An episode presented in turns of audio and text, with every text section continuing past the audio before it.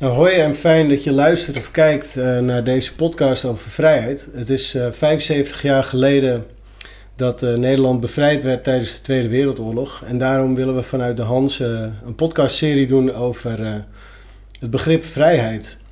En nu met de coronacrisis voelen we wellicht dat onze vrijheid wordt ingeperkt. de vrijheid om te gaan en staan waar je wil. Of de vrijheidsbeperking van een zwakke gezondheid. Of misschien de machteloosheid omdat je niet kan helpen. Maar normaal gesproken zijn we in Nederland vrij. En uh, omdat je mag zeggen en denken wat je wilt. En er is een sociaal vangnet. De regering is democratisch gekozen. Iedereen mag onderwijs volgen. En je mag omgaan met uh, wie je wil. En in deze podcastserie interviewen, de, interviewen we mensen die uh, uit hun thuisland gevlucht zijn. Omdat daar vrijheid niet vanzelfsprekend was. En het zijn personen die de Grotius Minor hebben gevolgd aan de Hans Hogeschool. En vandaag zitten we met Alla Galstian. Spreek ik dat goed uit? Bijna goed. Galstian, maar zo. Galstian, oké. En ze komt oorspronkelijk uit Armenië, waar ze taalkunde studeerde en uh, als 21-jarige haar diploma behaalde. In 1998 kwam je naar Nederland uh, met je dochter en je maakte daar de overstap naar verpleegkunde. Ja. En je geeft nu les aan de Academie voor Verpleegkunde aan de Hansen. En de reden dat je vertrokken bent, um, is in de jaren 90 was het in Armenië niet meer veilig. De Berlijnse muur viel eind jaren 80. Uh, Armenië was een communistisch land. En um, ze riepen de onafhankelijkheid uit van de Sovjet-Unie. En ook de regio, hoe heet dat, Nagorno-Karabakh, ja? waar veel etnische Armeniërs woonden, die deden dat ook. En Armenië steunde die regio en daardoor uh, ontstond er een conflict met Azerbeidzjan. Ja. En dat leidde tot een hoop interne spanningen en conflicten. Ja, heel goed verwoord. Oké. Okay. Allereerst hoi en welkom dat je er bent. Dankjewel. Hoe is het vandaag? Ja, goed. Ik wil alleen heel klein een uh, correctie doen. Dat ik heb zelf die grootjesprogramma niet gevolgd. Oh, maar niet ik ben wel betrokken met het grootjesprogramma als docent. Oh, pardon. En dan heb ik wel andere bijdragen voor deze programma. En wat, de rest was het echt goed. Wat doe je in het uh, grootjesprogramma? Uh, ik ben als docent betrokken en dan ben ik ook studieloopbaanbegeleider voor uh, studenten die migratieachtergrond hebben. Ja. En dat ze hier in Nederland verder HBO-opleiding willen volgen. Ja. En dan kan ik even vanuit mijn achtergrond hè, veel beter en sneller en makkelijker aansluiting zoeken met deze doelgroep. Ja, omdat jij als jonge vrouw uh, naar Nederland bent gekomen. Ja. En je, je, moest toen praktisch, je moest overnieuw beginnen ja. eigenlijk. Ja. Omdat Um, ja, laten we daar beginnen. Hoe, hoe is dat? Ja, over vrijheid gesproken te, worden, ja, te hebben, ja, dat is het juist, daar begint het. Uh, op het moment dat je naar een nieuw land terechtkomt, ja. uh, je kan van de ene kant zeggen, hè, onze vrije Nederland, wij zijn hier wel vrij om keuzes te maken, welke beroep wil je kiezen, wat wil je worden. Ik zou willen zeggen, volg je hart, wat echt heel erg dicht bij mij staat. Maar op het moment dat jij met je kind als alleenstaand moeder in een vreemde land terechtkomt, die keuze heb je niet. Niet omdat je dat echt niet hebt en vanuit Nederland wordt niet gesteund. Nee, dat is er wel, maar die kun je niet kiezen. Want je moet ook wat strategischere keuzes maken. Ja. Op welke wijze, wat voor keuzes, wat voor beroep wil ik echt kiezen, zodat ik straks ook werk heb. Dit nou, past absoluut niet bij mij zoals ik ben als persoon. Hoe bedoel je dat? Maar er gaan nu, voor mijn idee, gaan er twee dingen uh, door elkaar. Want je zegt, um, je bent niet vrij uh, om als je vlucht. Want ik niemand vlucht uh, omdat hij er zin in heeft, maar omdat het moet. Ja. Neem ik aan. Dus je bent dan ja, in gevaar of er is een economisch motief. Of in ieder geval ik, ik heb nu zelf geen reden om te vluchten uit Nederland, want ik heb het hier goed en ik, word, ik kan in vrede leven. Um, en het andere wat je zei is, in Nederland ben je wel vrij, ja. maar je moet strategisch kiezen voor je, uh, wat voor opleiding je gaat doen in de eerste instantie. Want ik ben zelf als taalkundige, nou, ik, ik, heb zelf taalkundige gestudeerd ja. in uh, Armenië. En gespecialiseerd in uh, Russisch, Armeens en Engelse talen. Echt gericht naar een klassieke literatuur. Ja. En mijn hart lag was ik dus 22 jaar oud toen, hè, aan uh, literatuur, filosofie, geschiedenis. Nou, dan kan ik best wel even zeggen, als ik dat richting binnen Nederland, hè, als ik gekozen had om dat te gaan doen, dan zou ik even niet zo gauw, niet zo snel kunnen voor mijn dochter uh, uh, brood op een plank hebben op tijd. Dan was het in eerste instantie, wat ook heel gek klinkt, denken: oké, wat moet ik doen? Welke keuzes kan ik maken? Ja. Van de ene kant ben je vrij om dat te denken, maar van de andere kant ben je ook niet vrij, want je kan niet je hart volgen. Want je moest eigenlijk vanaf je dat zal ik even nog correctie doen. Dan moest ik even vanaf mijn 23e, 24e pas beginnen met mijn nieuwe carrière in Nederland. Want dan, dan had ik pas mijn verblijfsvergunning. Ja. En dan mocht ik echt beginnen met de studie hier in Nederland. Ik moest eerst nog taal leren. Eigenlijk, dan moet je even kijken, ook moet je nog leren lopen. Ja, en zo natuurlijk, als je, vooral als je wil lesgeven op HBO-niveau, dan moet je taalbeheersing moet gewoon heel, goed zijn. Ja, ja. Dus dat is moeilijk om te leren in drie of vier jaar. Dan ben je taalkundige, ja. dus dat scheelt dan misschien een beetje. Ja. Maar je hebt toen, heb je toen gekozen om uh, aan de academie, zeg maar, je bent, nu ben je docent aan de Academie voor Verpleegkunde. Wat heb je gekozen toen je in Nederland kwam? Hoe ging dat dan? Toen ging ik in uh, zorging.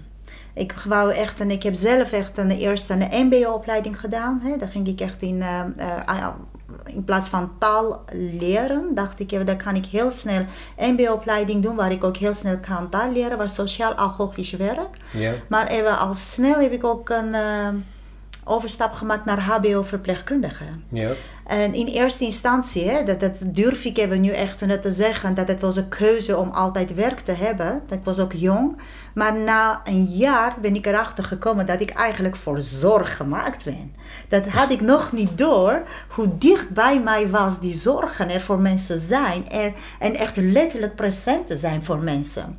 En achteraf, nu kijk ik echt terug en denk ik, hoe, dat, dat, weet je, zelfs dat al doet pijn. Dat ik nu terugkijk en denk ik, ik was niet vrij om op dat moment naar mijn dromen te volgen.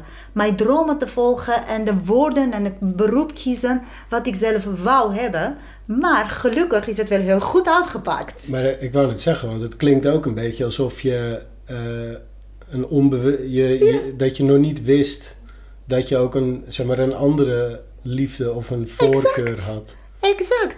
En op het moment dat ik de eerste keer mijn stage heb gelopen, en ik weet het nog in uh, Visio, Huis de Echten, het was een uh, verstandelijk gehandicaptenzorg. En dan pas heb ik gemerkt wat voor aansluiting ik bij deze doelgroep had. Hoe fantastisch vond ik zorg. En zo ben ik echt uh, ook HBOV gedaan en dan gelijk naar uh, geestelijke gezondheidszorg, GGZ. Ja. En dan in verslavingszorg gewerkt jaren. Ja, maar dat is wel, verslaving is wel een heftige groep. Trouwens, met geestelijk gehandicapten ook. Die kunnen ook, uh, dat is best wel een uitdagende groep. Ja, ja, dat zocht ik ook voor. Ging ik echt voor uitdaging. En uh, zoals ik nu echt mijn loopbaan kijk hier in Nederland, dat merk ik dat ik altijd voor een kwetsbare doelgroep heb gekozen. Gewoon voor het kwetsbare voor onze maatschappij. Ja. Ik wil eigenlijk ervoor zijn. Voor mensen die eigenlijk, we hebben het over vrijheid, maar hebben deze mensen überhaupt ook een vrijheid? En hoe ervaren ze hun vrijheid? Ja. Dat is het waar ik voor, echt waar ik voor, voor, voor hard voor sla. Daar, daar is het waarvoor ik sta hier.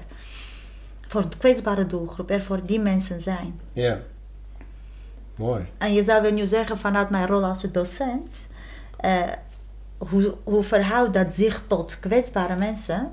Maar ik sta nu even tegenover de doelgroep studenten die straks onze toekomstige HBO-verpleegkundigen zijn. Ja, ja, ja. Die ook voor deze kwetsbare doelgroep moeten staan. Ik denk dat het vooral dat je je kan bijdragen aan, aan uh, zorgen voor kwetsbare mensen, ook door bewustwording. Dus als jij natuurlijk, um, een docent is iemand die, die kennis en wijsheid meegeeft in het beste geval. En uh, ik denk door jouw ervaring geef jij een bepaald perspectief mee aan je leerlingen. Dat ze misschien ook uh, ja, op een andere manier gaan kijken ja. naar zorg en vrijheid. En, maar wat ik me, want wat ik me afvraag is, um, dat zijn allemaal jonge mensen. En um, voordat jij um, vertrok uit Armenië, toen je zelf jong was. Je bent opgegroeid in een communistisch... Uh, want Armenië was een communistisch land. Het was Ja. onderdeel van de Sovjet-Unie. Klopt. En het, zeg maar, het beeld wat ik er dan bij heb, dat is een beetje weinig persoonlijke vrijheid. eh, een beetje grijs en grauw. eh, hè, Berlijn is natuurlijk de, het, het eh, Oost-Europese deel van Berlijn was natuurlijk minder, er was meer armoede en eh, de staat bepaalde heel veel dingen, eh, veel eten eh, en luxe goederen was allemaal op rantsoen. Het, dat klinkt voor mij niet als een vrije samenleving. Dus hoe. Maar klopt dat beeld? Ja, Want ik ben, jij bent daar geweest toen, jij hebt dat in het echt gezien. Ja. Het is echt maar, voor mij is het luxe om eh, verschillende werelden, werelden echt een bewust te mogen meemaken. Hè? Ja. Want in het communisme, waar ik echt opgegroeid ben, be- dat heb ik ook bewust meegemaakt. Ja, En over het vrijheid gesproken te hebben, over het beeld wat wordt hier geschetst. Misschien was die beeld zo, maar ik heb het zelf dat echt niet zo ervaren. nee, maar hoe, want hoe heb jij. Kan je een voorbeeld geven van zeg maar dan de rijkdom van het communisme? Dus dat juist iets wat mensen er niet zo snel mee Ja. associëren? Ja, en eh, we hebben het hier niet over de systemen, hè, of die communisme goed werkt of niet. Dat wil Nou, ik nee, daar voorzichtig zijn. Ik wil niet over systemen hebben. Maar toch wil ik wel zeggen, wat ook voor mij eh, beleving was die gelijkheid in de zin van dat scholen, gezondheidszorg, gezondheidssysteem was echt toegankelijk voor iedereen. Ja, we hadden, dat was eigenlijk dat was van staat be- betaald. ja. Nogmaals, ik zeg niet dat het ideale is of niet ideale, Nee, of dat- juist het- slimme het- of niet slimme keuze. Maar dat was, daar was je vrij om naar school te gaan. En alle scholen waren echt gelijk. Exact hetzelfde programma's Ah, ja. hadden. Dus over diversiteit en over studie op maat was er geen sprake van. Maar de, iedereen kreeg letterlijk dezelfde kans. Exact hetzelfde kansen. Maar, dan, dan komt hier, hè, Nieuwpas. Ja. Hier ben ik zelf ook al deskundig. En dan heb ik ook hier mijn ervaringen. Dan als ik nu terugkijk naar mijn basisschool. Ik kan wel echt zeggen dat we ook zelfs mensen hadden in onze klas. die licht verstandelijke beperkingen hadden. Ja. Die ze zelf ook dat niet wisten. Maar dat zit allemaal bij Allemaal elkaar. op hetzelfde klas.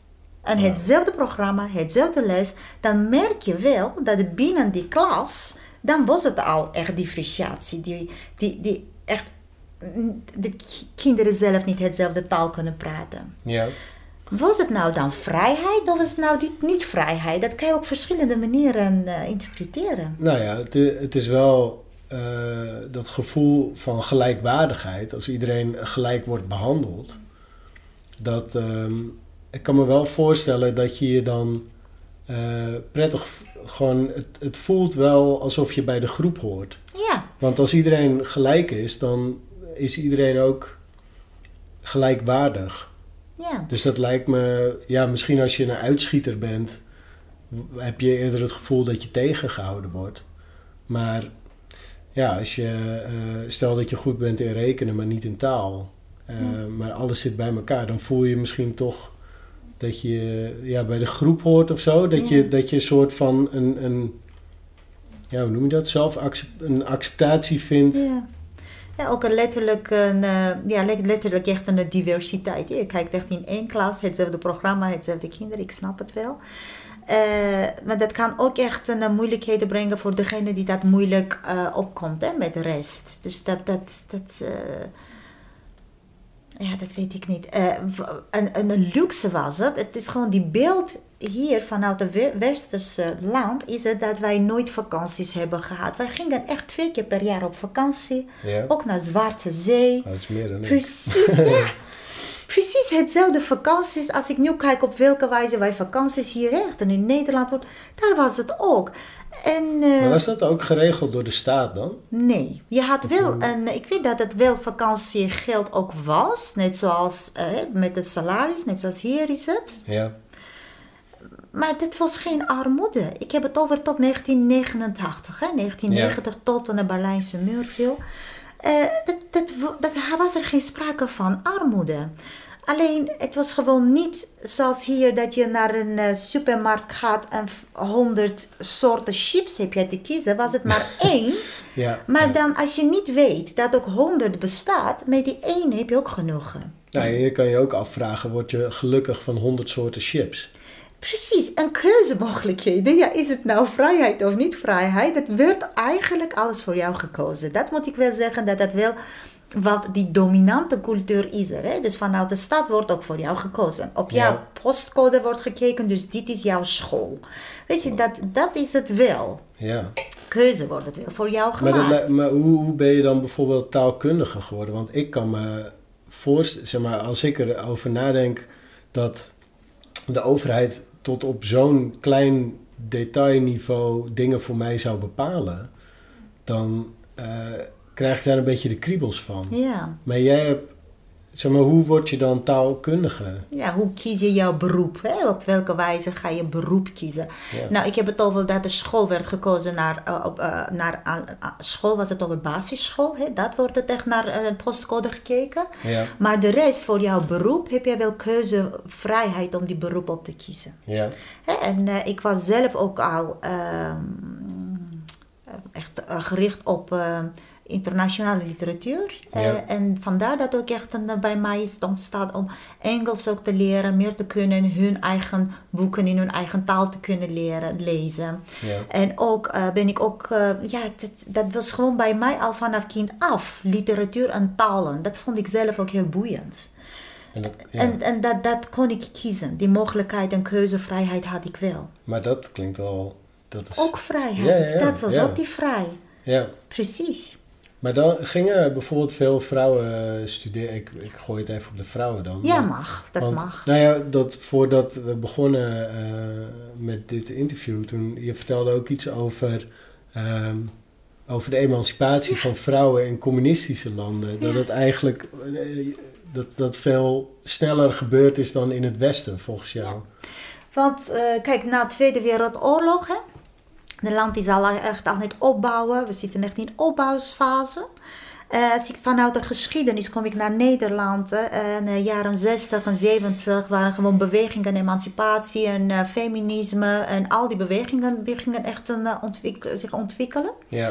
In Armenië waren vrouwen al aan het werk. Dus op het moment dat je zegt, is het wel voor zo'n vrouw of meisje studeren toegankelijk? Ja. En, en mijn moeder heeft gewerkt en mijn oma's hebben gewerkt. En iedereen echt fulltime werken. Wat nou deeltijd werken? He, of wat nou parttime werken ja, ja, ja. of deeltijd studeren. Iedereen was aan het werk. Dus studeren en werken juist in communistische tijd daar. Omdat... Dat was gewoon, dat moest. Dat ging gewoon om leren, leren, leren. Daar ging het om. Leren en werken. Ja. Dat, dat, daar, gaat, daar ging het hele land gewoon om.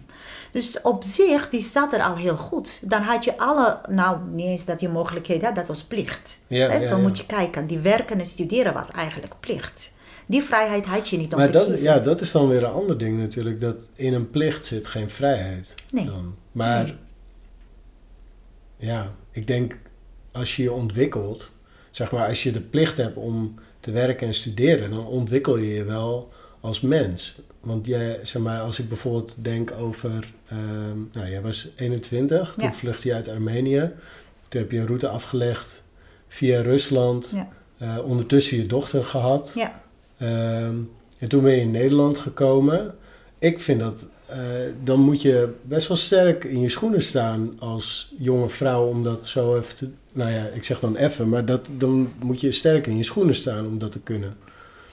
Eh, ja, dat, Dus- ja. Ik, ja, ik koppel dat dan aan, zeg maar, dat ik denk van dan moet je je ehm, toch behoorlijk ontwikkeld hebben al op dat moment. ja, dat zijn Die- ook keuzes, hè? Ja, dat maar- maak je ook keuze. Maar als je een keuze wil maken, dan moet je wel kritisch kunnen nadenken. Ja, kritisch kunnen nadenken en over vrijheid gesproken te hebben. Dat Ja, keuzes te mogen en kunnen maken, ja, zegt ook iets over vrijheid. ja. Wat Ik dan? was hier in Nederland dus vrij om die keuzes te mogen maken om aan mijn ontwikkeling te werken. Ik was zo vrij dat ik mocht hier mij verder ontwikkelen. Ja, Mocht ik hier echt en mijn eigen sociaal-economische status echt verhogen. Want op het moment, of we willen of niet, op het moment dat je als je vluchteling het land in binnenkomt, dan word je ook als echt een behoorlijk laag sociaal-economisch status gezien. ja, Dat kan je voorstellen als jij vanuit het land komt waar jouw sociaal-economisch status behoorlijk hoog was. En dan ga je gewoon echt naar beneden. Ja. Dan wil je toch jouw oude weer opbouwen. En daar ga je ook voor. En ga je ook doen. En die vrijheid had ik in Nederland wel. En dat vind ik en zie ik dat niet als vanzelfsprekend. Dat is luxe dat, dat ik die ruimte had. Ja. Dus die luxe om te zeggen, zal ik die pakken of niet, dat vind ik niet slim. Dus ik dacht, nou, daar ga ik voor.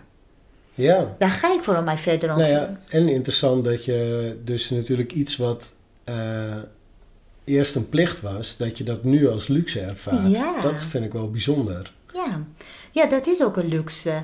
En uh, ook weer, hè, ga ik weer even linken met de vrijheid. Op het moment in het land die compleet andere waarden en normen heeft. Heel andere uh, taal, andere cultuur, andere echt een politieke structuur. We zitten hier in een democratisch land, wat ik zelf ook mee mag beslissen. om hier mee te kunnen doen, volledig mee te lopen, dan moet je gewoon behoorlijk aanpassingsvermogen hebben. Dus dan kijk ik even naar evolutionair gezien, hè, vanuit uh, evolutie, wat Darwin ook zegt, niet de meest sterkste en intelligentste is die overleeft, maar degene die zich heel snel en goed kan aanpassen. Oh, ja, ja, ja. En nu is het weer zo'n vraag op het moment dat ik mij zo moest aanpassen in hier cultuur, dat krijg ik ontzettend veel schouderklop. Maar was ik dan vrij? Dat belemmert dat mijn vrijheid niet. Mocht ik gewoon blijven zoals ik was, en kon ik dan alsnog zo goed ah. overleven in dit land, zoals ik nu al sta en zoals ik nu al doe. Ja. Was ik vrij? Had ik die vrijheid gehad om mijn eigen cultuur, waarden, normen en alles behouden? En alsnog in Nederland kunnen groeien? Ik vraag me af of dat kon. Ja, dat, nou ja, ik denk dat je die vraag alleen zelf kan beantwoorden. Want hoeveel. Heb je veel dingen moeten loslaten? Uh, dat is heel bijzonder, want dan denk ik, hoe, hoe meer ik mij hier in Nederland ontwikkel, hoe meer ik nu mij vrijer voel om mijn oude weer terug te pakken. Dus dat betekent dat al die twintig jaar dat ik hier ben, steeds mij aan het aanpassen ben geweest. Steeds aanpassen. Uh, waarom zeg ik dit? Want dat vind ik ook heel, heel belangrijk. Ook te realiseren, uh, om, om jezelf, uh, jezelf te kunnen realiseren wat het betekent om te integreren. Wat voor complex proces is dat? He, dus dan maak ik dat ook heel bewust mee. Dan denk ik, eerste twintig jaar moest ik steeds afscheid nemen van mijn alle vertrouwde patronen. Ja echt, ik ga in een premier niveau ook zelfs uitleggen. Als ik bezoek had gehad vanuit mijn cultuur, is het dat de tafel moet zo vol zijn dat je geen millimeter vrije ruimte hebt. Maar ik heb mijzelf op dat niveau aangepast. Als bij mijn Nederlander op bezoek kwam, dan was het koffie met een koetje. Ging ik één stapje verder, koetje heb ik zelf gebakken. Dan dacht ik, nou dan blijf ik enigszins bij mijn uh, cultuur. Maar dan betekent dat ik toch iedere keer als bezoek wegging, ik voelde mij echt schuldig. Ik schaamde dat je me. Niet, uh, dat genoeg ik niet je best had gedaan. Exact, exact. Maar als ik te veel mijn best heb gedaan, dat merkte ik dat ik voor Nederlanders, mijn gasten, voor een gekke situatie heb gezet. Want ze voelden zij zichzelf ja, heel bezwaard. Die schamen zich dan misschien Precies. Beetje, ja. Dus daar ging, daar ging je heen en hoe heb je, hoe heb je dat uiteindelijk opgelost? Zeg maar, hoe ben je daarin? Heb je bijvoorbeeld veel daarover. Ja, het klinkt misschien heel knullig om over koekjes te praten. Nee, maar, het, is, het gaat om cultuur en Precies, klein voorbeeld. Uitingen. Ja, dat is aan de hand van die primaire voorbeeld wil ik dat uitleggen. heb je dan, had je Nederlandse kennis of vrienden die op een gegeven moment zeiden van dat, het, dat hoeft niet of dat werkt hier zo? Of hoe ben je daarin gegroeid dan?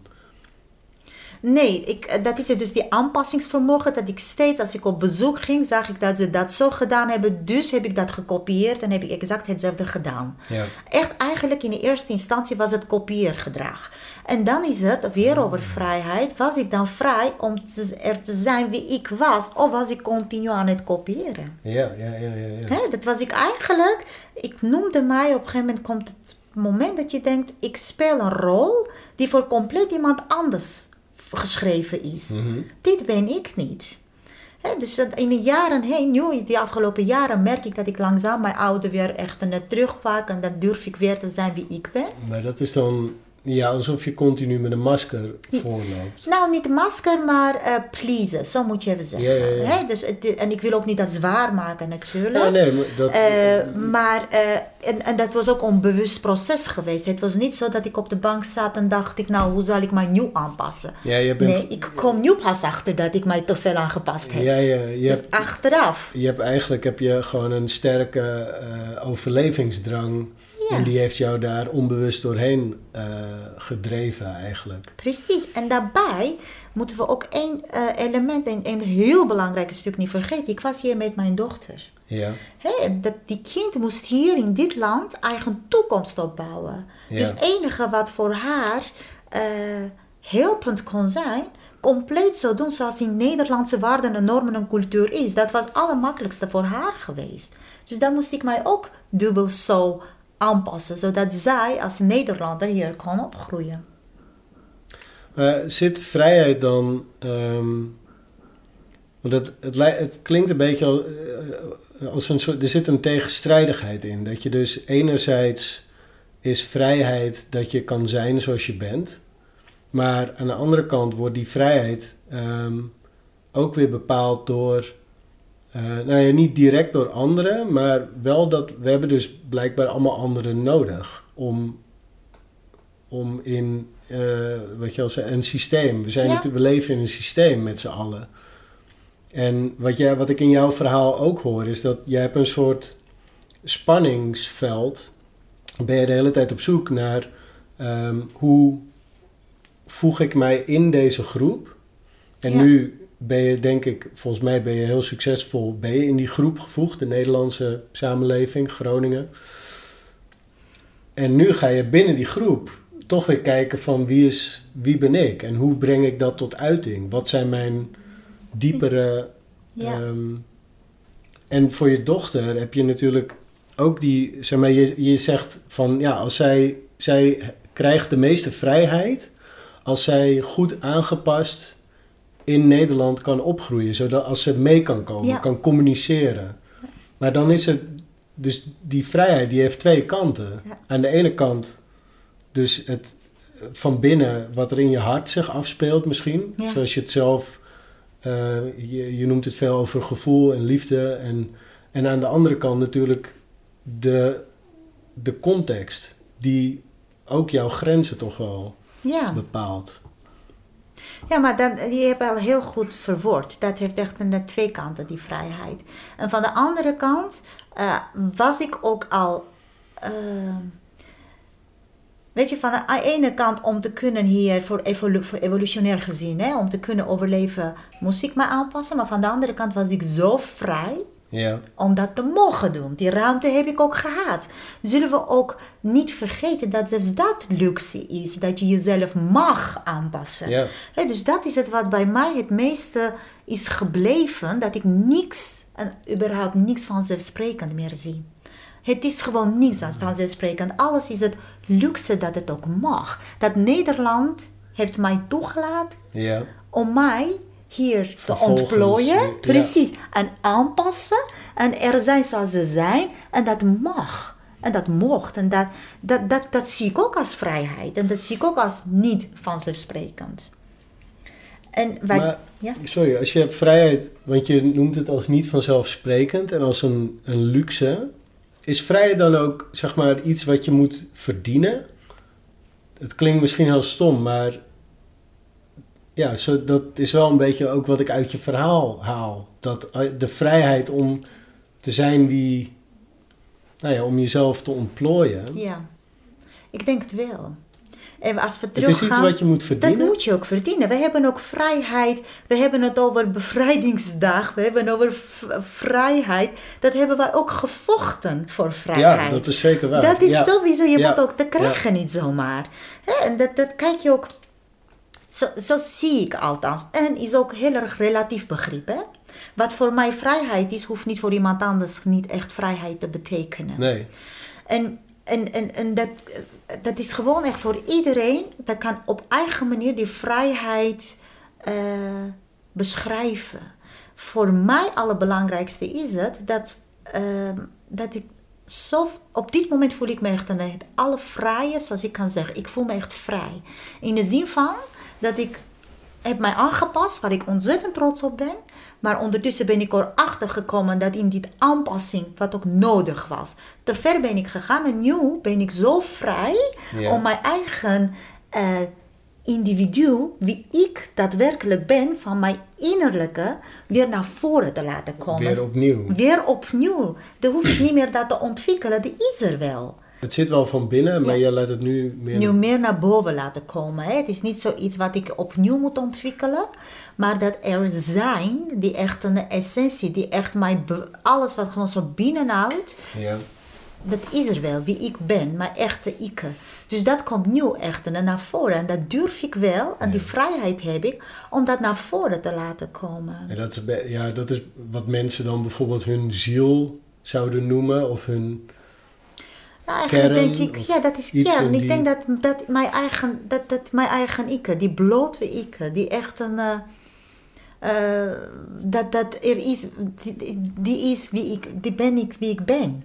Echt letterlijk wie ik ben. Dat echt over zijn. Bedoel je dan. Um, ja, want je kan natuurlijk zeggen van.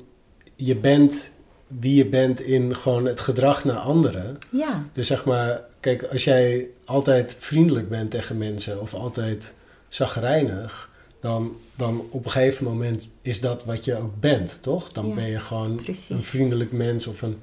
Maar wat is dat dan? Is dat dan wat je bedoelt met je blote. Ja, heel goed voor, echt heel goede voorbeeld. Want dat is ook net had ik over koetjes en nu heb ik over puur communicatie. Ik ben een echte eh, directieve communicator. dus uh, ik, ben gewoon, ik kan echt heel van primair reageren. En iets wat met mij iets doet, het doet iets met mij en dan reageer ik ook op. Ja. En ik merk dat al die jaren heb ik dat echt niet toegepast. Heb ik het niet gedaan. Ik was heel voorzichtig. Ik, ook ah. zelfs in mijn communicatie bleef ik even tot 10 tellen. Dus die tot 10 tellen, je gaat even tot 20 tellen, 30. En dan ben je niet meer met jezelf. En dan heb jij continu intrapersoonlijke conflict, wat niet met mensen in conflict bent, maar, met... maar dan ben je met jezelf. Dan is het intrapersoonlijk. Dus eigenlijk, waar ik denk, mijn gedachten mijn gevoel, mijn hart en mijn handelen waren niet in harmonie. Op die manier, ja, omdat je, um, omdat je als je tot tien telt, bij wijze van spreken, dan uh, ja, je ontwikkelt dan een afstand tot je eerste reactie of zo. Wat je, want je zou misschien uh, ik herken dat wel. Dat, ik bedoel, ik probeer heel vaak... Mensen denken altijd dat ik een heel rustig mens ben. Ja. Maar dat komt omdat ik heel veel tot tien tel. Ja. Maar dan ondertussen uh, ga ik, weet je, ik heb het bijvoorbeeld ook nodig om te gaan uh, boksen. Oh, Een paar keer in de week. Want dan, is het, dan kan ik het er daar weer ja, uitlaten. Precies. Ja, zo moet je even zien. Ja. Maar het is ook een manier van onderhandelen natuurlijk. Want het zou, ik zou heel erg in de problemen komen als ik op straat tegen iedereen ga lopen boksen. ja, dan heb je een probleem. Wordt, ja, dan heb je maar dat is, Maar is dan, zeg maar, wat ik heb, dat ik dan daar tot tien moet, uh, is dat een want je noemde het een intrapersoonlijk ja. dat is het. conflict. Maar weet je, kijk eens, zo ziet onze maatschappij eruit en zo zijn we ook sociale wezens.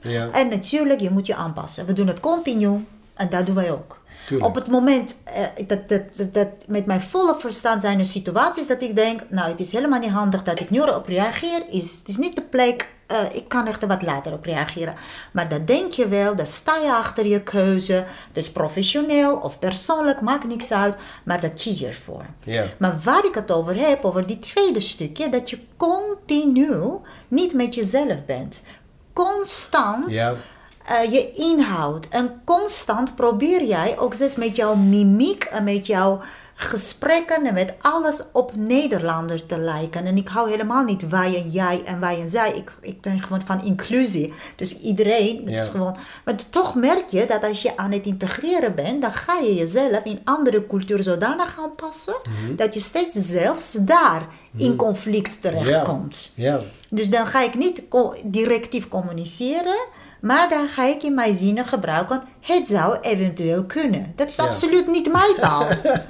ik ben behoorlijk dichotom. Het is ja of nee. En dus, ja oké, okay, misschien is er iets mis mee. Maar dat hoort bij mijn persoonlijkheid. Ja. Maar dan als je tien jaar lang dichotom, dichotomie weglaat met die zwart-witte. En het zou eventueel kunnen moeten.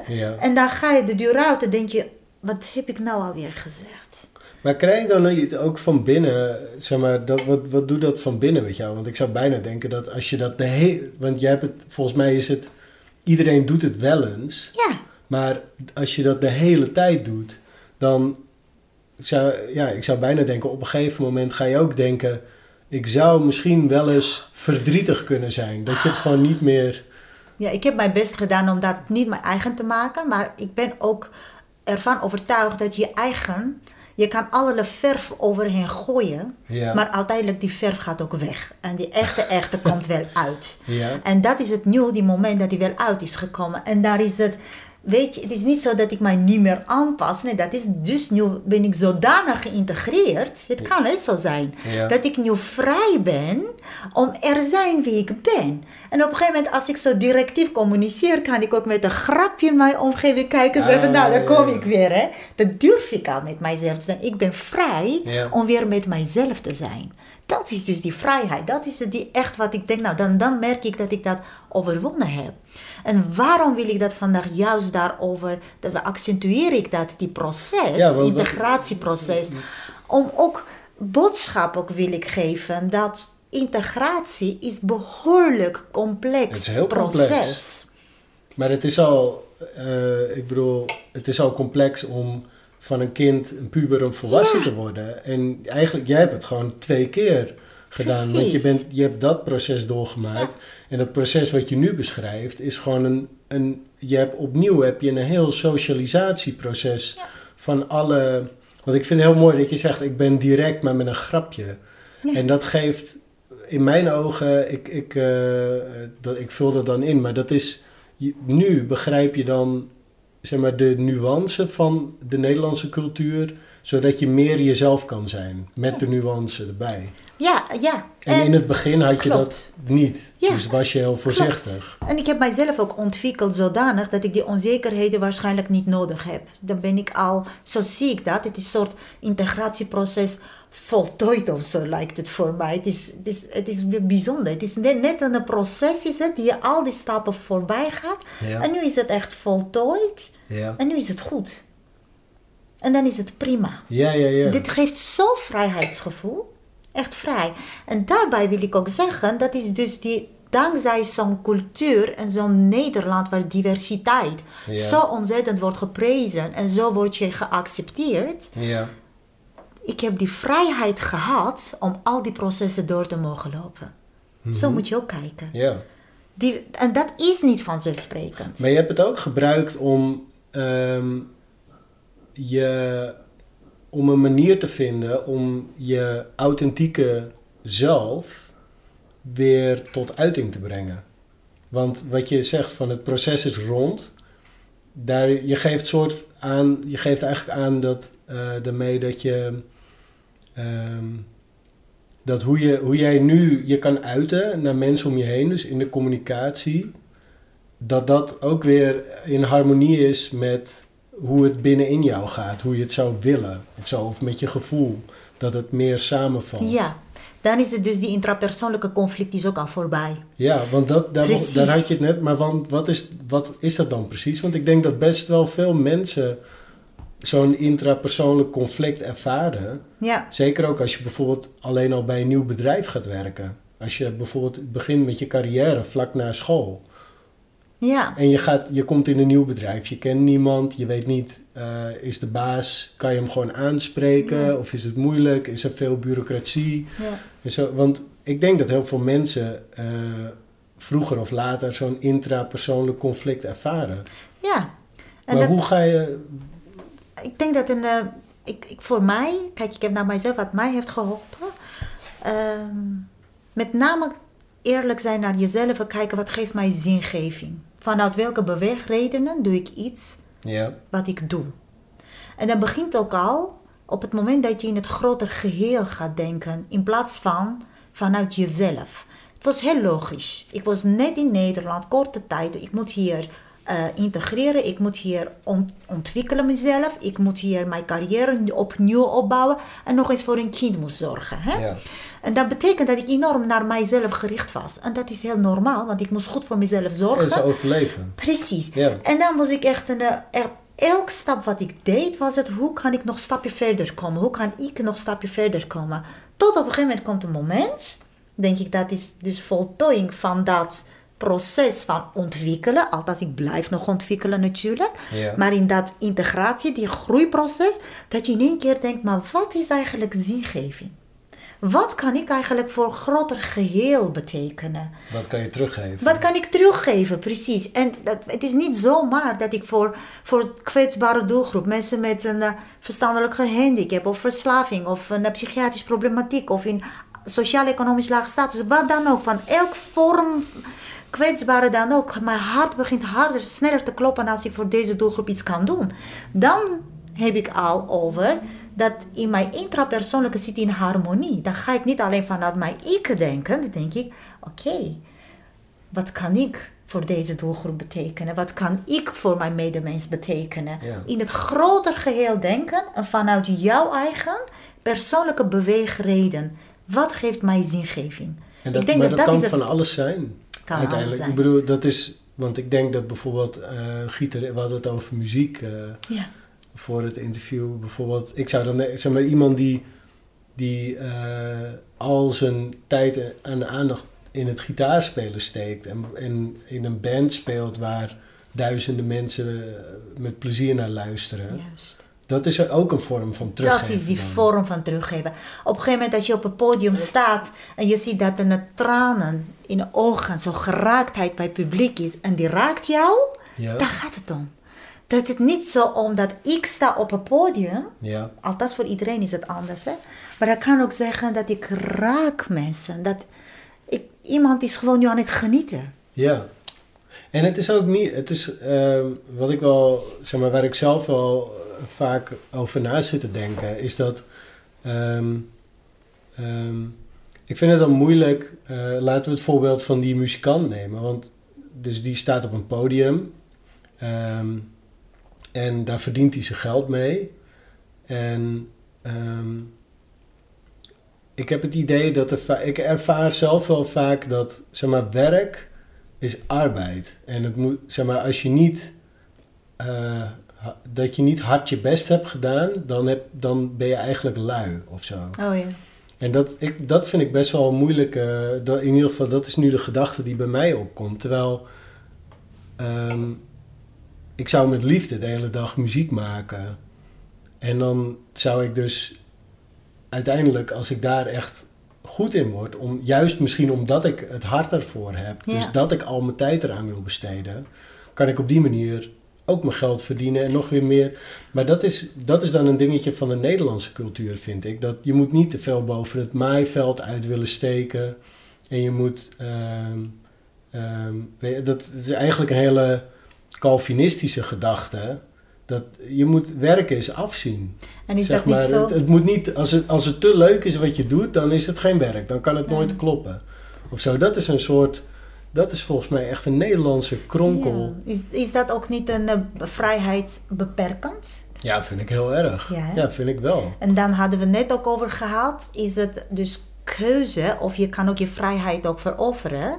Ja. En daar is het, hè, die punt. Op een gegeven moment dat je zegt, als je boven een maaiveld komt, dan is het voor Nederland, zoals heb ik begrepen, dat het echt een wat... Je doe gewoon, daar berg ik genoeg dat is het van in ja, Nederland. Nou, en ehm, misschien kan ik het nog iets verduidelijken door te zeggen dat als je doet waar je hart ligt, dat het ook vaak als egoïstisch wordt ervaren.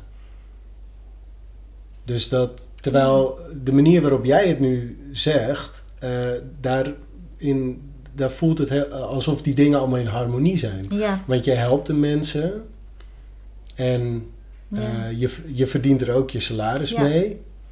En het komt vanuit je hart. Dus er zijn drie dingen die zijn gewoon in harmonie. Ik vind het best wel bijzonder eigenlijk dat dat. Ja, ik begrijp het, eh, ik begrijp het ook over met die salaris. Hè? Dat is ook heel interessant. Ook vanuit mijn uh, ook die, dat niks is vanzelfsprekend. En die plicht waar ik over had van communistische, die plicht, die helpt mij hier zo mee. Want ik draai om. Het is niet zo, niet draai om, maar zo zie ik. Het is niet zo dat ik werk, dus ik word betaald. Het is totaal anders voor mij. Ik word betaald. Dus ik moet echt hier tegen presteren. En niet even presteren voor mijzelf, maar ik moet voor die geld wat ik heb, ik moet teruggeven. Ik moet teruggeven. Dus dat is gewoon echt andersom, denk ik. Ja. vanuit mijn hart. Ja. Want ik zie niet vanzelfsprekend dat ik werk heb en salaris komt. Nee, ik word betaald, dus ik moet ook iets terug doen. Maar ook vanuit mijn hart. En dan uiteindelijk heb ik mijn vak ook gekozen. Die echt onbewust een keuze eerst was. Ja. Nee, althans, eerst was het bewuste keuze om werk te hebben, altijd. En dan is het echt mijn hart, merk ik dat dat geworden is. Ja. Maar dan doe ik ook vanuit mijn hart. Maar misschien, misschien hou je het ook, ja, ja, ja. En ik, ik zit te denken van misschien hou je het anders ook niet vol. Dat als je werk kiest waar dan niet dat, waar ook, ja, je, je vrijheid, zeg maar, de beperking zit op dat moment in je moet werken en als je dan ook nog eens iets kiest waar helemaal je hart niet ligt, waar je niks mee hebt. En het is niet dat jij uh, hebt gekozen dat je nee. uh, planten wil kweken of zo. Want gewoon in de zorg werken is gewoon aanpoten. Ja. Het is hard werken. Ja. En dat, ik bedoel, nu wordt dat heel duidelijk, zeg maar, met de coronacrisis ja. natuurlijk. We, hè, we applaudisseren voor de mensen in de zorg. Klopt. En, um, maar je zou, ja, dan, je, dus je hebt misschien, je hebt je hart ook nodig om door al die moeilijkheden Anders heen te hou je niet vol. Anders hou je echt niet vol. Want dat is het weer, die intrapersoonlijke conflict waar ik echt, een, eh, echt achter sta. Dan zegt je hoofd iets anders, je handelingen zijn anders en jouw hart zegt iets anders. Dat wordt hem niet. Althans ben ik weer die godom. Maar zo, dat, daar ben ik echt van overtuigd. Dat dat echt die, die, die met elkaar moet matchen. En nogmaals, zullen we niet echt verwend doen. Het is, soms doe je ook in jouw werk echt bepaalde dingen wat je minder leuk vindt. Dan denk je, oh, dat is echt een... Uh, weet je, dat, dat moet. We gaan niet echt... Ik ben het niet echt een iemand die zegt, alles moet je met plezier doen. doen. Zo werkt het niet. Nee.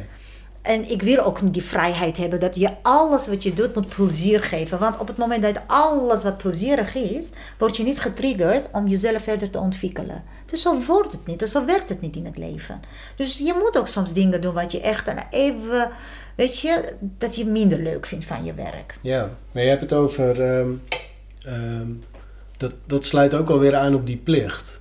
Die, ja. Want het is, maar ik zou dan ik ga nu gesloten vragen stellen, maar het is een ik, ik begin een beetje tot conclusies te komen uh, over hoe jij denkt. En dan, dus ik wil, dat, ik wil gewoon met je checken of, dat, uh, of het klopt, of niet. Ja. En, want je zou bijna zeggen van je hebt discipline nodig om vrij te zijn. Dus vrijheid is niet alles maar lang leven, de lol en blablabla. Ga je gang maar, doe maar wat je wil. Klopt. Dus in, in jouw ogen zit juist vrijheid zit in discipline. Ja. Maar dat voelt heel tegenstrijdig bijna. Dat je denkt van hoe kan de vrijheid nou zitten in dat ik mezelf uh, restricties opleg. Ja. En waarschijnlijk juist die vrijheidsgevoel en streven naar vrijheid, is dat juist mijn zingeving. En om dat te kunnen realiseren en daar te kunnen tot, tot die vrijheid komen, ja. dan ben ik ook bereid om hard te werken en alles te doen tot ik die vrijheid kan ervaren en voelen en zien. Want vrijheid, ook zelfs in communistisch land, voelde ik mij ook vrij binnen achter de muren. Binnen die muren had ik ook mijn vrijheid. Alleen dit was andere vrijheid, wat voor deze kant van de muur vrijheid betekende. Ja dus dat is zo'n relatief begrip. Het zat hem uh, daar veel meer in, in die zingeving waar je het over hebt. In de... Nee, juist daar werd nooit over zingeving gesproken. Die woord zingeving denk ik dat niet eens. Uh, nee, nee, daar is meer heel erg rationeel. Ik heb gewoon echt heel erg rationeel opgegroeid. Maar uh, die, die vrijheidsgevoel, denk ik, is zodanig. dit is echt relatief begrip. En overal, in elk land zelfs iemand die gevangen is, heeft ook eigen vrijheden. Ja. Dan maak je het. We zijn gewoon van nature gemaakt om die vrijheid te voelen en te ervaren. En dan heb je binnen die kooi ook jouw vrijheden. Ja, want dan vraag hoe kan iemand in een gevangenis, waar zit dan de vrijheid volgens jou? Ja, ze zien dat kooi waarschijnlijk is die vrij op het moment te slapen wanneer die wil en wil echt en opstaan wanneer die wil. Stel dat die vrijheid zelf kan voor zichzelf opleggen. Die is dus vrij. Iedereen, ik denk dat het jij van binnenuit jezelf, hoe, hoe, hoe lastig dat ook is, dat krijgen we voor jezelf ook streven naar. Ik denk dat we dat niet zonder kunnen. Als een, iemand in de gevangenis zit en die streeft toch even door een vrijheid, advocaten en rechten, of weet ik veel, vechten tot hij weer recht en op een vrije voeten komt. Ja. Dat zit in ons als mens zijn. Dat willen we De- toch even de voor drang elkaar om te krijgen. overleven. Ja. Om, Om echt vrij te zijn. Ja, En wat ik ook wil Hm. zeggen is dat wij in Nederland echt, echt alle vrijheden hebben. En dat wat mijn pleidooi zal zijn, dat we veel bewuster daarmee omgaan. En steeds bewuster alles wat wij hebben, echt stil bij staan en zeggen: Het is niet vanzelfsprekend dat ik dit heb. Hé, kijk, nu zitten wij vanuit huis te werken als docenten. ja. Ik mis die koffieapparaat waar ik echt tijdens de pauze zo in een rij stond Ja, mij ja, te ja. ergeren. Ik mis mij die ergernis. En dat, dat is dat. Ik was zo vrij om naar mijn werk te gaan, om op het moment wanneer ik zin in koffie had, koffie te pakken. En ik had dat zo vanzelfsprekend gezien. Nee, ik wil dat niet. Het is niet vanzelfsprekend. Dat ik nu met jou hier zit, je hebt mij uitgenodigd voor dit gesprek. Mhm. Dat ik dit mag zeggen, mijn boodschap mag ik overbrengen, Ja. is ook vrijheid. Ja, ja. Het is niet vanzelfsprekend. Maar dat is ook. ehm, de, ja, dat is dan weer de vrijheid om te denken. Om te denken en zeggen wat je wil. Ja, En inderdaad, ja, de vrijheid van het koffieapparaat ja. is. Ja, hoe zou je dat dan moeten noemen? Gewoon de, de vrijheid om te genieten van hele knullige dingen. ja zeg maar dingen die, die onbelangrijk lijken, maar omdat ze niet opgelegd worden, behalve door je innerlijke Ja. drive, Dan geef je in één keer betekenis. dat is vrijheid. Ik geef al betekenis aan mijn koffieapparaat. Dan geef je al betekenis. Ja. En ook vanuit ook docent kijken. Ja, dat is echt bijzonder, hè? Ja, Ik dacht, ja, Daar heeft ook een betekenis. Die contact met mijn collega's. Die in de ogen kijken. Dat op een gegeven moment collega zegt, nou, je ziet er moe uit. Gaat het goed? Weet je hoe belangrijk dat is? Of eh, kijk ik even gewoon vanuit een grootjes. Hè? Dat, dat hebben wij met elkaar, die vrijheid ook in Nederland. Ook dat niet vanzelfsprekend is voor een bepaalde doelgroep. Die hier Ja. HBO-opleiding wil doen. Ja. Die al in hun eigen land masteren, alles in hun zakje hebben. En ze willen hier van nul beginnen. Ja. En dat wij met de docenten van zo gaan ze met elkaar schouders eronder zetten. En denken, jongens, kom op. We doen het met elkaar. We gaan jullie steunen. Want we zien het, die potentie. We zien dat die mensen Ja, gewoon ervoor eh, vechten. Als je hier, ja, ja, dat, ja. Hoe mooi is dat? Nou ja, en het is inderdaad als je gewoon in Nederland in een asielzoekerscentrum komt, Ja. je mag niet werken. Nee. Je moet, het enige wat je mag doen is wachten Ja. op een verblijfsvergunning. En Ja. dat kan zomaar Drie jaar. Bij mij was ja, het drie ja, jaar. ja, nou, dat is hartstikke lang. Ja. En dan, ehm, je kan, als je Nederlands wil leren, dan moet je dat helemaal op eigen houtje doen. Ja. En, want je krijgt nog niks aangeboden. Geen, ook niet die, eh, Nee. die eh, Nederlandse staatsexamens en dat soort dingen. En je kan, ja, het duurt sowieso, zit je gewoon meer dan een jaar te wachten. Klopt. In onzekerheid ook. Ja. Ja, en dat, dat is het. Dus die eerste jaar, dan kan je je voorstellen, dan ben je 22 jaar oud. Ja, En dan eerste drie jaar, daar ben ik echt een, eh, tot mijn 25ste zit ik daar te wachten wanneer ik verblijfsvergunningen he- krijg. Om uiteindelijk te mogen taal leren. Maar dan nog, dan nog moet ik eerlijk zeggen, daar ben ik ook dankbaar voor. Want als die ruimte, oké, drie jaar alleen maar maar wachten. Als ik die ruimte niet had gehad, dak boven mij had ik. Ik had een bed en ik had wat eten voor mijn dochter. Klinkt ontzettend primair. Maar ik was nog allereerste toptrade van piramide van Maslow. Ik moest nog even eten, drinken, slapen. Dat moest hebben zijn. Ja, ja, ja. De rest had ik nog geen ruimte. En ja, was verdrietig voor mij. Ja, dan heb ik nog steeds last van. Dat ik drie jaar van mijn leven heb ik het gevoel met de wachten heb ik doorgebracht. Ja. Da- vandaar dat ik tot nu toe altijd het gevoel heb dat ik moet iets inhalen. Ik moet iets inhalen. Nu begrijp ik het wel dat ik daardoor kom. Ik voel me schuldig voor al die drie jaren. Ja. Dat is gewoon echt verspilde jaren. Maar ik kan niemand kwalijk nemen, want het land heeft gedaan wat hij kon doen. ja. Dat, dat, dat was geen andere mogelijkheid. Nou ja, en ook terug, kijk, en zoals je thuisland al. Ik bedoel, je zegt, ik vind het heel mooi dat je het niemand kwalijk neemt. Nee. Maar eh, je, je kiest er niet voor om te vluchten Nee. natuurlijk. Dus dat. Maar denk je ook dat het, dat het sowieso dan geen zin heeft om alleen om, om dan iemand het kwalijk te gaan nemen? Om dat te blijven vasthouden? Ja, ik, ik denk dat dat geen zin heeft. Wat, dat brengt nergens naartoe. Heb je wel, heb je een periode gehad dat je dat wel deed? Heb je, ben je daar doorheen gegaan? Dat je wel een soort schuldige, dat je met dat soort. Nee, ik, eh, bij mij is het, het is gewoon ook niet gezond, maar bij mij is het totaal andere kant op gegaan. Mijn ervaring is het dat ik mij alleen maar schuldig voel naar dit land toe.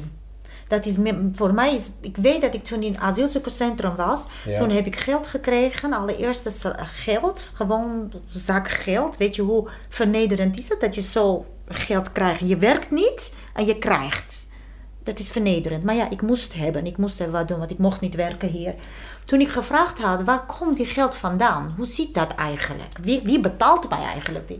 Tot ze mij echt uitgelegd hebben over het belastingssysteem in dit land en alles. Vanaf dat moment voel ik me gewoon schuldig. Dat het land moest voor mij zorgen. En voor mijn kind nog eens. Ja. Waar mijn ouders en mijn voorouders hebben voor dit land geen cent belasting ooit betaald. Nee. Dus ik voelde me, bij mij ging andersom. In plaats van schuld aan iemand anders geven, voelde ik me continu schuldig dat ik op iemand anders kosten moest leven. Oh. Dus dat gaat veel dieper. Dat is ook weer een van de complexiteit van integreren. Ja. Dat je constant jezelf op bezoek voelt bij iemand Ja. die je denkt, oké, op iemand anders kosten leef ik. Ik kan niets teruggeven. Ik wil iets teruggeven, maar hoe? Ja. Hoe doe je dat? En dat is het bij mij nu nog steeds gebleven. Hè, dus ik, Na al die jaren? al die jaren. Echt al die jaren. Natuurlijk, ik doe echt heel veel terug aan maatschappij vanuit mijn hart. Want we zijn 22 jaar ja, verder. ja, het zal wel altijd blijven. En je hebt het over een periode Het zal van drie ik denk jaar. dat het altijd zal blijven. Want ik heb zelfs in mijn opvoeding dat heel hard aan mijn dochter heb gegeven. Ik zeg niet dat met de trotsheid ben ik niet trots op.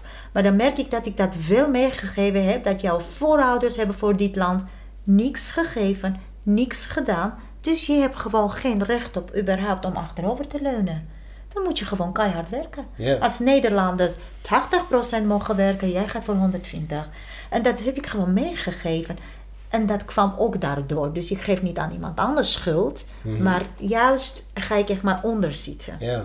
En dat komt omdat ik gekregen heb. Die krijgen is helemaal geen leuke positie. Nee, nee. Je nee. werkt niet, je doet niks en je krijgt. Ja.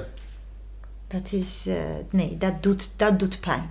Ja. En ik ben dankbaar hè, natuurlijk. Als ik het niet gekregen had, had ik ook niet kunnen hier staan. Nee, natuurlijk, dat snap ik. maar dat, toch het, eh, eh, is, nee, dat is toch eh, pijnlijk. het mag even goed pijnlijk zijn. Ja. Dat, het kan, dat is ook de complexiteit van de mens, denk ik. Dat gewoon die twee dingen kunnen naast elkaar bestaan. Je kan en dankbaar zijn Ja, en je pijnlijk ja. voelen. ja schuldig voelen. Ja. Nou ja, vaak zie dat ik bedoel, je ziet dat dan vaak bijvoorbeeld op begrafenissen ook. Dat ze natuurlijk aan de ene kant zijn mensen heel verdrietig en aan de andere kant heel positief over Ja. alle goede herinneringen, Klopt. maar ook eh, met veel pijn over het verlies. Ja, dat is dus dat is, ja, dat is de complexiteit van de mens. Ja, dat is dubbel. Klopt. Maar ja, dan, ja, je moet dan toch uiteindelijk ehm, in beweging blijven. Ik Ja. denk wel dat voor zover je er een oplossing kan vinden, dat je een hele goede route hebt gekozen. Door in actie, door gewoon je, je te ontwikkelen, bij te dragen, terug te geven. Ja, dat blijf ik nog doen. Het is niet zo dat het klaar is. Hè. Het is ik denk dat ontwikkeling, het teruggeven aan maatschappij, het is niet alleen vanuit schuldgevoel, maar dat zit ook diep in mij. Hè, dat is ook mijn vrijheid. Ja. Los van schuldgevoel, maar is het ook mijn. mijn eh, ja, dat, dat is, dat, daar geef ik, als ik je zeg waar ik betekenis geef, betekenis is het, geef ik aan er voor elkaar zorgen en geven en eh, in het grotere geheel denken. Wat, wat voeg je toe aan deze maatschappij, aan deze, je omgeving, aan je buren, aan jou, aan mijn student, aan mijn collega? Dat, dat, dat draait het om. Ja. Dat is, dat is ook misschien wel eh, een mooie om dan mee te gaan afsluiten. Want je hebt het, het woord betekenis en zingeving is een aantal keer gevallen. Ja, En ehm, ergens midden in het gesprek kwam het eigenlijk eh, heel mooi samen dat je zegt van je, je aanpassen in je omgeving. En, ehm, maar ook dus dat intrapersoonlijke conflict oplossen. Dus dat je je- wel je authentieke zelf bent. En dat je iets doet in de maatschappij. Wat, wat ook in harmonie is met wat je van binnen voelt wat belangrijk is. Ja. En dat is eigenlijk, heb ik dat een aantal keer. terug eh, ges- Ja, want samengevat. Ook ja. als je, eh, daar gingen natuurlijk, jij als taalkundestudent, dat was ook iets waar je hart lag. ja, En toen heb je, later heb je werk gezocht in de verpleging. En toen bleek dat daar ook je hart lag. ja, En ehm, op een gegeven moment, wat ik ook ehm, wel echt mooi vond, was dat je zei dat uiteindelijk hou je het ook niet vol om een, ja, je zou bijna kunnen zeggen, een goed leven te leiden voor jezelf. Als je niet doet waar, niet je, Ja. dat- waar je hart niet ligt. Ja, precies. En ik zou, nou ja, misschien om af te sluiten, want ik denk dat mensen toch ook wel bang zijn om dan hun hart te volgen. Omdat het, ja, als je iets doet wat je wel oké vindt en het lukt niet erg, ja, dan Ja, precies. was dat het gewoon, kan je wat anders gaan doen. Dus er staat, er staat meer op het spel. Ook als je echt op zoek gaat naar je vrijheid en wat er in je hart gebeurt. Maar hoe, waar haal je de moed vandaan om dat te gaan doen? Oh ja, daar moet je ook lef voor hebben. Nou, dat om dacht met ik wel. jezelf te zijn. Ja, Moet je ook durven. We- ik heb dat niet eens benoemd, maar dat door het Dat hele gesprek heen heb ik wel. eh, Dan moet je dat- wel lef hebben om dat wel te doen. Vind je jezelf iemand die veel lef heeft? Ja, en hoe? Ja, hè? Ja, ik ben echt Spaanvrouw. ik denk dat je dat ook wel Ik mag echt zeggen. Ja. Ik ben echt echt Spaanvrouw. Dat, sta ik al op een eh, ja, record? zeker. Ja, nee, eh, ja, dat, dat, dat heb ik wel. Ja. En ook met jezelf te zijn is ook lef hebben, hè? Ja, want er is altijd wel. Ja. Er zijn natuurlijk. Wat je ook doet, er zijn altijd mensen die het wel leuk vinden. En er zijn altijd mensen die het niet leuk vinden. Klopt. En die, de mensen die het wel leuk vinden, dat is mooi meegenomen. Maar je moet wel ertegen kunnen dat er ook mensen zijn. Die niet leuk vinden. Maar het gaat met name om, als je over vrijheid hebt. Als je, ik heb gezegd dat je je vrijheid moet eigenlijk kunnen overwinnen. En wat is voor jou vrijheid? En voor iedereen is het wel verschillende betekenis kan hebben. Ja, Zoek even wat voor jou betekent. Wat voor jou vrijheid is. En juist eh, heb het lef om daarvoor te gaan. het lef. Juist. Ja, gewoon durven ervoor te staan en zeggen: Dit is mijn vrijheid en hier wil ik voor gaan. En zolang je dat niet echt aan de andere beschadigt, hè, dat moeten we ook niet vergeten. Het is gewoon niet zo doel aan zich dat een. eh, dit is de doelheiligde middelen, dat wil ik absoluut niet hebben. Het gaat om echt een, eh, wat echt binnen onze normen, in de normatieve. Wat, hoe ervaar je vrijheid? Ja. Maar ik denk dat de droom van de meeste mensen is ook niet om dingen kapot te maken. Precies. Dus ik denk dat, dat voor zo goed als alle Ja. mensen. Ik geloof in goedheid in mens. Ja, Ja. ik kan wel echt mij naïef noemen. Maar ik geloof in goedheid. Wij zijn gewoon van nature gewoon goed. Gewoon onze intenties zijn ook goed. Ja, En, en, en het kan wel echt een anders overkomen, anders geïnterpreteerd worden, weet ik wel. Maar ik geloof, ik geloof in goed zijn in het mens. En dan denk ik, als je die goed ook gelooft. En wat, weet je niet echt alles wat je doet goed doet, maar wel goede dingen doet. En er voor andere mensen zijn. En vrijheid van anderen niet beperken. En jouw eigen vrijheid, echt er gaan voor je eigen vrijheid. Ik denk dat je daar al echt behoorlijk veel werk gedaan hebt. ja, En zullen we ook met elkaar ook niet vergeten dat wij in Nederland ook zo vrij zijn. dat denk ik wel. Dus doe waar je hart ligt. Doe wat je hart, uh, hart Heb ligt. lef. Heb lef. En waardeer wat je al hebt. Ja. Want we hebben al die vrijheid. En wij zijn al vrij. En wees een beetje naïef. En wees dus ook een beetje naïef. Geloof dat de, mensen, dat de meeste mensen goede mensen zijn. Daar geloof ik wel in. Ik weet niet of dat naïviteit is, maar ik geloof het in. Kijk eens wat het nu gebeurt met die coronatijden. Ja. Met die gekke tijden. Hoe mensen er voor elkaar zijn. Hoe we voor elkaar zorgen. Hoe wij afspraken houden. Hoe wij ons aan afspraken houden. Hoe wij... Ik, ik, ik- dat, dat is ontroerend. Het is gewoon ontroerend om te zien hoe wij er voor elkaar staan. Ja, Dit is ook vrijheid. We zijn vrij er voor elkaar te zijn. ja. En dat moet je omarmen. En lief zijn. En meer kan ik gewoon niet zeggen. Dit is ook al vrijheid. Dan, dan is er ook niet meer te zeggen. Ik wil je heel erg bedanken voor alles wat je gezegd hebt. Ik wil jullie ook bedanken. Heel erg bedankt. Graag gedaan. Ik vond, eh, ik vond het een fijn gesprek. Dank u wel. En bedankt voor eh, ehm, ja, de, de herinneringen en de ervaringen die je hebt gedeeld. En ook, en ook echt je visie op hoe je als individu ehm, ja, je toch ontwikkelt binnen een samenleving. En hoe dat in harmonie met elkaar kan zijn. Ehm, dat, dat vind ik ook heel mooi. Dat is wel echt iets wat ik, wat ik ook mee ga nemen voor mezelf. Ik ga er zeker nog weer over nadenken. En ik hoop eh, de mensen thuis ook die luisteren of kijken. Dit was ehm, een mooi gesprek over vrijheid met Alla Gastjan. Nee, ik, het gaat me niet. Ik heb, Goed zo. ik heb de, de Oost-Russie of de Oost-Europese tongval niet. Voel je vrij. Alla Gastjan. Ja, ook goed. Heel erg bedankt. Eh, bedankt voor het luisteren en voor het kijken. Eh, tot 5 mei zijn we elke week terug met een eh, nieuwe podcast over het onderwerp vrijheid. Tot ziens.